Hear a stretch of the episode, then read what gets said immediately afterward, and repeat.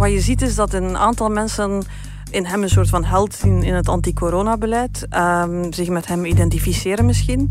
Dat ze ook vinden dat hij eigenlijk nog niet veel verkeerd gedaan heeft. En dan denk ik van ja, nu moeten we toch de feiten er even bij halen. Van op de redactie van het Nieuwsblad is dit het punt van Van Impe, de Actua-podcast van het Nieuwsblad met hoofdredacteur Lisbeth Van Impe. En ik heb altijd de neiging om hoofdredactrice te zeggen, maar jij bent liever hoofdredacteur. Ik hoor dat liever. Ik vind dat uh, klinkt neutraler, niet dat trieste ding. En ik, Jeroen Roppe, kom zoals elke week op bezoek. Vandaag hebben we het over Jurgen Konings en de vrije meningsuiting en de politieke verantwoordelijkheid en de stemming van de Vlaming.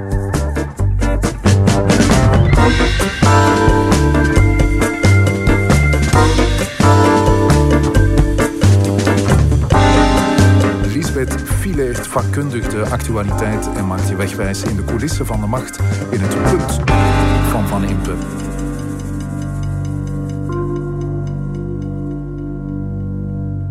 Nu de warme dagen er eindelijk aankomen, Lisbeth, heb ik iets uh, ijskouds meegebracht. Ik heb kombucha bij. Weet je wat dat is, kombucha? Ik weet dat de hipsters het drinken en dat het dus iets waarschijnlijk zo gezond is. Ik moet zeggen, ik heb er vandaag negen uur digitale vergaderingen op zitten. Dus ik had uh, licht gehoopt dat jij iets uh, lekker alcoholisch mee had, maar het is limonade die gefermenteerd ruikt. Dan denk ik, het is ja, en het beetje kan gemeen. wonderen doen. Het is eigenlijk uh, gefermenteerde groene thee, heel gezond naar het schijnt. Ik hoop dat hij geen jeugdtrauma's losmaakt, Lisbeth, want deze kombucha komt uit Oedelem. Ja, en dat is uh, uit de buurt van waar ik kom. Hè. Dat is uh, kanten van Beernem. Maar ik denk, toen ik jong was, maakten ze dat nog niet, denk ik. Dat is toch iets, iets nieuw, lijkt dat we zeggen. Tilbert Kombucha uit uh, Oederem. Waar beginnen we mee, Lisbeth? Jurgen Konings en zijn fans, de stemming van de Vlaming of politieke verantwoordelijkheid? Laten we beginnen met de stemming. De rest vloeit eruit voort, denk ik. Doen we. Elke donderdag vind je een nieuwe punt van Van Impe op nieuwsblad.be en op alle bekende podcastplatformen. We beginnen eraan.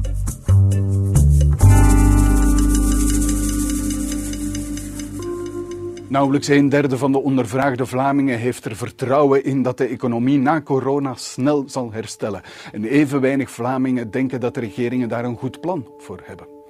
Dat gebrek aan vertrouwen in de toekomst weerspiegelt zich ook in de ontevredenheid over de corona-aanpak. Die is gestegen in vergelijking met verleden jaar, zowel voor de federale als voor de Vlaamse regering. Ja, Lisbeth, jij wou beginnen met de stemming. Een onderzoek van de universiteiten van Brussel en Antwerpen in opdracht van de Standaard en de VRT bij 2000 Vlamingen. En daaruit komt veel onvrede en wantrouwen. De boodschap is eigenlijk de regeringen pakken de crisis niet goed aan. Jij was ook vaak uh, kritisch, maar had je zoveel ongenoegen verwacht? Ik schrok wel als ik naar de, de, de naakte cijfers keek, zoals dat heet. Uh, de federale regering krijgt 4,9. Kan zich troosten met het idee dat de Vlaamse regering 4,4 krijgt. Maar dan zijn ja, eigenlijk twee triestigaars elkaar aan het troosten. Uh, als het dan gaat over geloof je dat de regeringen eigenlijk in staat zijn om het land uit deze crisis te trekken? Om het land terug op gang te krijgen? Ja, een goede 30% zegt ja, 70% zegt van... We zien het niet. Uh, we weten niet of er een plan is. En als er een plan is, dan is het geen goed plan. Uh, ja, dat is wel een, een, een huizenhoog wantrouwen. Ja, Lisbeth, zijn de mensen niet gewoon corona-moe? Zijn ze het gewoon niet beu? En komt dat vertrouwen wel vanzelf terug? Uh, de vaccinaties die beginnen te lopen, uh, het leven herneemt stilletjes aan. Ja, dan komt het vertrouwen wel vanzelf. Je kunt dan ongeveer de gok van Wouter Beke noemen. Hè? Dat het vertrouwen terugkomt als je de vaccinaties in orde krijgt. Um, ik zou er niet zo gerust op zijn. Het is, het is heel duidelijk, het moment waarop de peiling afgenomen is, uh, was geen goed moment. Um, ik denk dat het paaspauze. En ik, als ik mij goed herinner, waren we toen bezig over uh, raampjes in de, in de trein en, en, en bubbels die groter en kleiner en harmonica gewijs uh, evolueerden. Dus het was geen goed moment. De sfeer zat niet goed. Er was heel veel kritiek op de regering. dus dat zal er allemaal wel mee te maken hebben. Maar eerlijk gezegd, ik zou er geen geld over op inzetten dat deze situatie zich vanzelf herstellen door gewoon een beetje voor te doen. Er werd ook gepeild uh, naar de kiesintenties. Mochten er nu verkiezingen zijn, dan stemde bijna één op de vier Vlamingen voor Vlaams Belang, de grootste partij in Vlaanderen dus. Het is natuurlijk ook uh, de luidste oppositiepartij. En de enige ongeveer die zich echt uh, toch wel ja, gedistanceerd heeft van het hele corona-verhaal, die daar toch een aantal heel dissonante geluiden uh, heeft laten horen. En dus ja, die daar op dit moment blijkbaar van profiteert en eigenlijk op scores zit, zoals de monsterscore van 2004. Ja, wat me wel opviel is dat de score van het Vlaams Belang wellicht weinig te maken heeft met het programma van het Vlaams Belang, want de meeste Vlamingen die willen meer België en dus minder Vlaanderen, bleek uit het uh, onderzoek. Ze vinden het thema migratie ook minder belangrijk dan bij het vorige onderzoek. Dat staat toch allemaal haaks op, uh, op uh, het programma van Vlaams Belang? Ja, migratie kan heel rap terug zijn. Hè. Ik bedoel, ik denk dat dat meer een conjunctuurgegeven is. Um, aan de andere kant denk ik dat zij vooral zeer goed op, op, op de, de breuklijn zit die je eigenlijk overal in, in westerse democratieën ziet opduiken. Mensen die tot het systeem behoren, geloven dat ze er een leven kunnen uitbouwen, uh, vertrouwen hebben dat het eigenlijk wel goed komt, dat ze min of meer goed bestuurd worden. En aan de andere kant een groeiende groep mensen die het gevoel heeft dat ze uit dat systeem vallen, dat ze belazerd worden, dat ze belogen worden, uh, dat ze er geen deel van uitmaken en eigenlijk door een of andere elite, en of dat, dat dan virologen zijn of politici of journalisten, het maakt allemaal niet veel uit. Ze hebben een grote kwaadheid tegenover het systeem. En het is op die groep mensen, op dat systeem, dat uh, het Vlaams Belang zich heel goed aan het zetten is. En ze, ze capteren echt dat ongenoegen en dat wantrouwen. Ja, dus uh, er is geen sprake meer van links versus rechts, maar wel pro-systeem en anti-systeem. Het wordt een dominanter breuklijn in ieder geval dan de heel oude tegenstellingen die we kenden, Belgisch-Vlaams en, en links-rechts en vrijzinnig uh, katholiek. Uh, het is eigenlijk ja, de, de breuklijn die dwars door onze samenleving loopt. Maar goed, het vertrouwen is weg. Hoe komt dat vertrouwen terug, Lisbeth? Welke raad zou jij geven aan de regeringen in dit land? Wel, je ziet in ieder geval wat ze proberen te doen. Uh, ik denk dat uh, Alexander de Croo met zijn regering, uh, de eerste dossiers zijn intussen gepasseerd, we hebben het er vorige week over gehad, waarin die dus niet over corona gaan en waar hij probeert die regering aan de draai te krijgen, compromissen te sluiten, geen al te zotte dingen te doen. Ja, beleid te voeren binnen wat de Vlaming en de Belg verwacht. Uh, dat zou weg kunnen zijn, maar het is wel een heel geleidelijke, het is een hele trage. Uh, je ziet dat er andere mensen zijn, zoals een, een Amerikaanse president Joe Biden. Die, die neemt ziet, wel risico. Die neemt risico. Uh, die denkt van, na corona kan je dingen doen die je ervoor niet kan doen dat geeft meer het gevoel dat het vooruit gaat, dat er, dat er mogelijkheden zijn. Aan de andere kant kan het natuurlijk komen aan iets waar mensen van zeggen van blijf daar af. Je kan een soort van paniekreactie krijgen. Het is al erg genoeg geweest, doe maar niet te zot.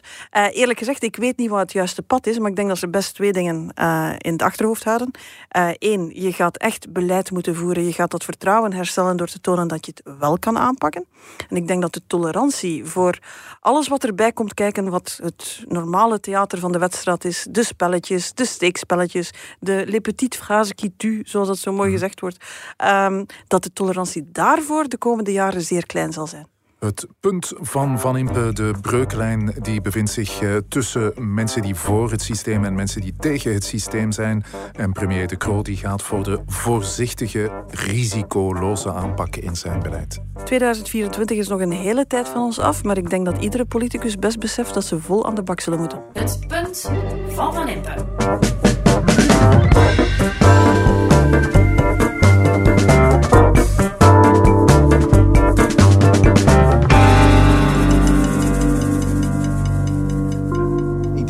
Uh, oproepen tot geweld of doodsbedreigingen ten allen tijde te vermijden en verwerpelijk is. Uh, ik ben een grote voorstander van de vrijheid van meningsuiting. Bij mij mag alles gezegd worden, maar ik trek wel de grenzen van mijn partij. Al 40 jaar lang oproepen tot geweld of overgaan tot geweld kan absoluut uh, niet. Daar bestaat denk ik eh, geen discussie over. Je hoorde de voorzitter van Vlaams Belang, Tom van Grieken. Hij heeft het eh, natuurlijk over de zaken Jurgen Konings, Lisbeth, en de sympathie die leeft voor eh, de figuur Jurgen Konings. Mag je, vind je, sympathiseren met zo iemand? Je mag heel veel, maar ik heb hier toch wel heel weinig begrip voor. Wat je ziet is dat een aantal mensen in hem een soort van held zien in het anti-corona-beleid, um, zich met hem identificeren misschien, dat ze ook vinden dat hij eigenlijk nog niet veel verkeerd gedaan heeft. En dan denk ik van ja, nu moeten we toch de feiten er even bij halen. Uh, de man staat op een lijst van het OCAT Daar staan een goede 150 mensen op. Daar staan moslim-jihadisten, extreemrechtsen en extreem linksen broederlijk naast elkaar, want ze zijn allemaal even gevaarlijk voor de samenleving. Dus dit is geen lijst waar je op geraakt door een fout mopje te vertellen, door een foute Facebook-post te lijken. Dit gaat over mensen die een reële dreiging vormen. Daar zouden we eigenlijk collectief een grens moeten trekken dat je daar eigenlijk echt niet over gaat. Dan maakt het voor mij echt niet uit. Hij is die kazerne uitgewandeld, zwaar bewapend, heeft een boobytrap aan zijn auto daar gelegd. Hij hoeft nu echt geen, geen, geen mensen af te knallen voordat we eigenlijk elkaar in de ogen kunnen kijken en zeggen dit is een dreiging waar we alles aan moeten doen om die onder controle te houden. Je kan heel veel zeggen. Het maatschappelijk debat houden we best zo open en zo vrij mogelijk. En ik zie ook daar wel mensen die zeggen van ja, moeten we dan niet veel vroeger ingrijpen? Moeten we dan niet gaan dingen verbieden? Dingen die mensen zeggen, hate speech, noem maar op. Denk ik van, wees daar heel voorzichtig mee. Hm. Je kan dit juridisch niet oplossen. Maar als het gaat over een, een dreiging van geweld, dan houdt eigenlijk de discussie op. Ja, dat zegt eigenlijk ook uh, Tom van Grieken, hè, de voorzitter van Vlaams Belang, uh, zegt ook voor mij ligt daar uh, de grens ja, hij zegt dat netjes. Nu, Tom van Grieken is een hele slimme politicus. Uh, die perfect weet wat hij moet komen vertellen als hij op de afspraak of op ter zake zit. Uh, maar het probleem is, uh, als ik zeg ondubbelzinnig veroordelen, dan komt daar ook geen maar achter. Dat is iets waar. We voelen dat altijd als iemand is waar we het niet mee eens zijn. Als hij zegt van ik veroordeel maar, dan weten we dat alles wat voor de maar kwam eigenlijk toch maar was wat het was. Um, als een, een imam zegt in het geval van moslimterreur ik veroordeel de terreur maar, dan denkt iedereen van Amahula, we geloven hier niks van. Uh, en laten we wel zijn, ik heb daarnet gezegd, die lijst van het ook had, dat is de analogie. Wat zegt Tom van Grieken? Uh, geweld kan nooit, wij veroordelen. Maar waar zat de politie op de betoging van de uh, pro-Palestina? Um, waar zat de politie als er ergens een, een, een, een, een, ander, een andere crisis was? Foute analogieën doen er niks toe. Minimaliseren eigenlijk wat, uh, wat, wat, wat de dreiging van Jurgen Konings is. De enige analogie die je hier kan maken is die met Salah Abdeslam en zijn kornuiten. Wij zaten alle twee in Molenbeek toen die man daar uh, rond uh, zwierf. Ik kan je verzekeren, u weet het waarschijnlijk ook nog, de machtsontplooiing was totaal. We hebben daar de lockdown ingevoerd nog voordat in, in het hele land hip, hip werd. Um, we hebben daar al eens kunnen oefenen. Uh, dus die machtsontplooiing was even hard heel terecht, dat is de enige analogie die er doet. Dus ondubbelzinnig veroordelen betekent ook er niet allemaal dingen gaan bijslepen die eigenlijk ervoor zorgen dat je toch weer gaat minimaliseren. En in die periode 2015-2016 werd er ook uh, wat lacherig uh, gedaan of uh, minimaliseerden ze ook een, een beweging als Sharia for Belgium bijvoorbeeld. Ja, je zou hetzelfde vandaag met extreem rechts kunnen doen. de staatsveiligheid heeft al gezegd van onderschat dat niet. Dat is geen spook uit het verleden. Dat is een dreiging die opnieuw aan het toenemen is en we nemen die beter ernstig. We moeten geen juridische discussie gaan voeren over wat je kan zeggen en niet. Je kan niet het hele maatschappelijk debat, debat in juridische normen gaan wringen. Wat je wel kan doen is, als je een actor bent in een maatschappelijk debat, als je een politicus bent, of je bent een opiniemaker, of je bent een geestelijk leider die op bepaalde momenten een toegang heeft tot een gemeenschap, die een boodschap kan brengen, dan kan je je verantwoordelijkheid nemen. Niet omdat de rechter het zegt, maar omdat het het juiste ding is om te doen. Waarom vragen we aan Toon van Grieken om naar de, de, de fans van Jurgen uh, Konings een duidelijk signaal te sturen, omdat ze misschien naar hem luisteren. Net zoals we aan imams, die op zich misschien niks met terreur te maken hebben, vragen om een signaal uit te sturen, omdat we hopen dat er hier en daar een paar hun oren gaan spitsen. Dat is een rol die je kan spelen. Je speelt die of je speelt die niet. Ja, dat is wat uh, ook uh, de voorzitter van Open VLD, Egbert Lachaert, vraagt. Hij vraagt aan Van Grieken om openlijk de sympathisanten van Jurgen Konings te veroordelen. Van Grieken die vindt dat beledigend, zegt hij. Ja, dan, dat is zoals de imams die het beledigend vonden uh, als, we, als we dat vroegen in tijden van terreur. Als je wil suggereren dat er een directe link tussen de twee is, dat het één pot nat is, allemaal hetzelfde, dan versta ik de reactie van Van Grieken. Maar dat is de suggestie niet. De vraag is, jij, naar jou luisteren ze misschien kan je dan alsjeblieft een veroordeling uitspreken zonder daar meteen weer van alles bij te slepen, er een maar op te laten volgen uh, en eigenlijk toch weer het een beetje ja, de vis te verdringen. Ja, want dat is wat uh, bijvoorbeeld een Mark van Ranst zegt. Hè. Hij zegt het Vlaams Belang zorgt voor een actieve sfeerschepping tegen virologen. Gaat hij te ver als hij zoiets zegt? Ik vond een aantal van zijn tweets, de man zit in een safe house, dus ik wil hem veel vergeven voor het moment. Uh, ik vond een aantal van zijn tweets wat ongelukkig, want hij, hij sleepte er wel veel mensen bij. dat ik dacht van ja, gewoon kritiek op Mark van Rans geven moet nog altijd kunnen. Jurgen Konings is gevaarlijk, uit een dreiging, is potentieel gewelddadig. Zorgt ervoor dat dat hele gezin in een safehouse zit, wat toch absoluut geen pretje kan zijn. Daar kan je nooit van zeggen dat dat komt door iets wat Mark van Rans gezegd heeft. Dat gaat niet. Ja, jouw punt, uh, Lisbeth. Het punt van Van Impe, het uh, debat of in het debat kan heel veel, maar geweld en oproepen tot geweld kunnen nooit. En ook woordvoerders van gemeenschappen hebben een verantwoordelijkheid. En als je iets veroordeelt, zeg er dan geen maar achter. Het punt van Van Impe.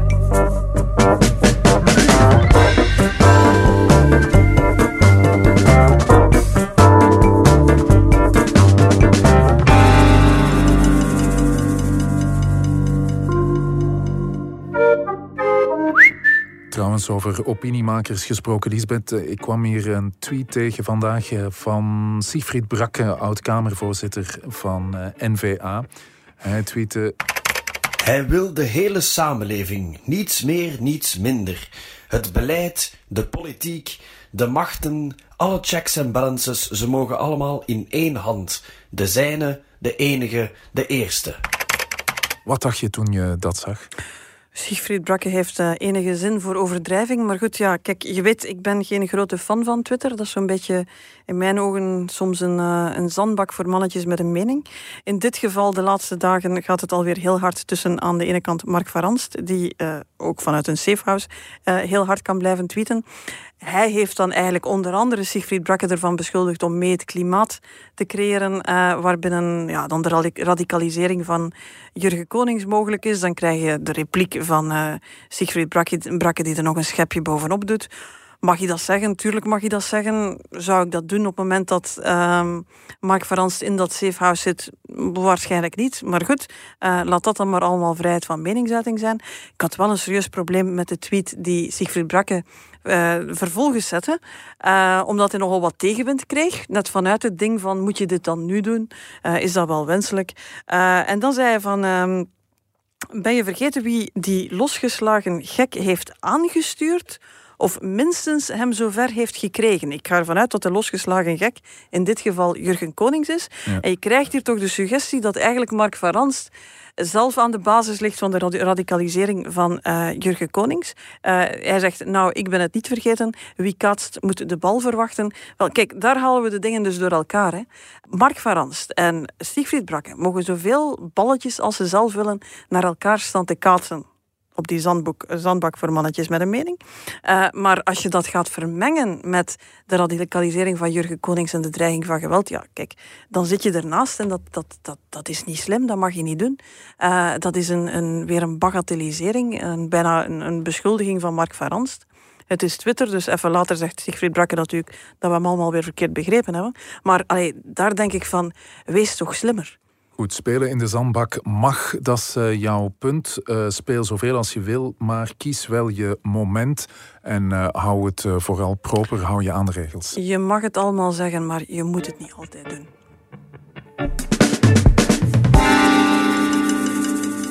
Je n'étais en effet pas au courant euh, que cet individu était euh, suivi et sur les listes de l'OCAM. Le chef de la défense euh, ne l'était pas non plus. Ce n'est pas normal.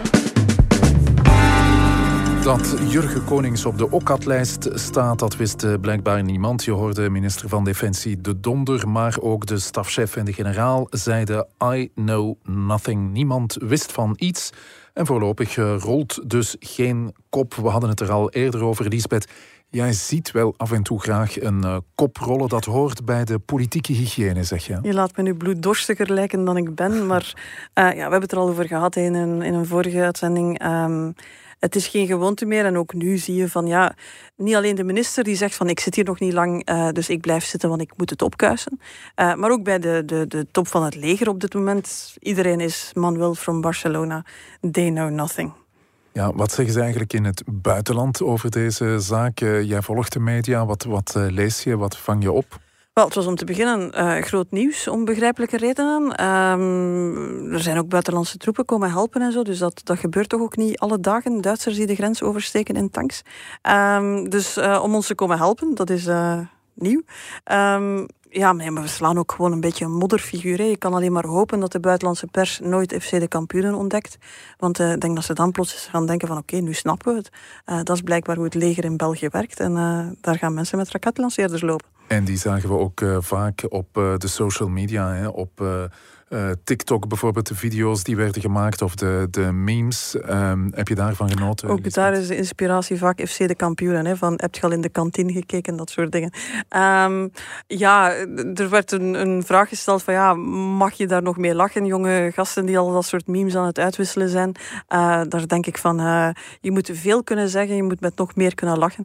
Dus ik denk dat we met deze ellende gerust wel mogen lachen. Maar oké, okay, ja, neemt niet weg dat het een heel ernstige zaak is. Het punt van Van Impe. Duidelijke punten van Van Impe vandaag. Je kan er nog zo'n paar vinden op nieuwsblad.be en op de bekende podcastplatformen. En ik kan je er een West-Vlaamse kombucha bij aanraden. Je wordt er helemaal zuiver van. Als je er te veel van drinkt, eh, Lisbeth, dan kan je zelfs eh, onsterfelijk worden naar het schijnt. Ja, daar dus geloof ik dan weer minder van. Dus, uh, maar goed, dan zijn we volgende week klaar om er uh, terug gewoon een uh, goed glas wijn op te drinken, bijvoorbeeld. Goed idee. Het is intussen donker en verlaten hier in Antwerpen. Ik denk dat ik maar eens terug ga naar de hoofdstad. Kruip jij nog achter je scherm vanavond? Nee, voor vandaag ben ik helemaal klaar. Dat zal dus voor morgen vroeg zijn. Maak het niet te laat en tot volgende week, Lisbeth. Tot volgende week.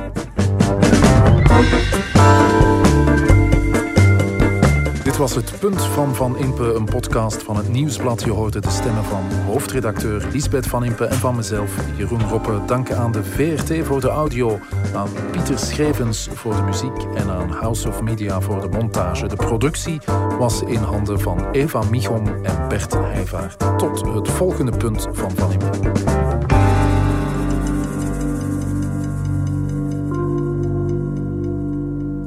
Heb je de andere podcasts van het Nieuwsblad al gehoord? Stemmen van Assise, Slimmer Leven, de sportpodcasts, Shotcast en De Koers is van ons. En ons nieuwe magazine Billy heeft de podcast Walkie Talkies met Evi Hansen.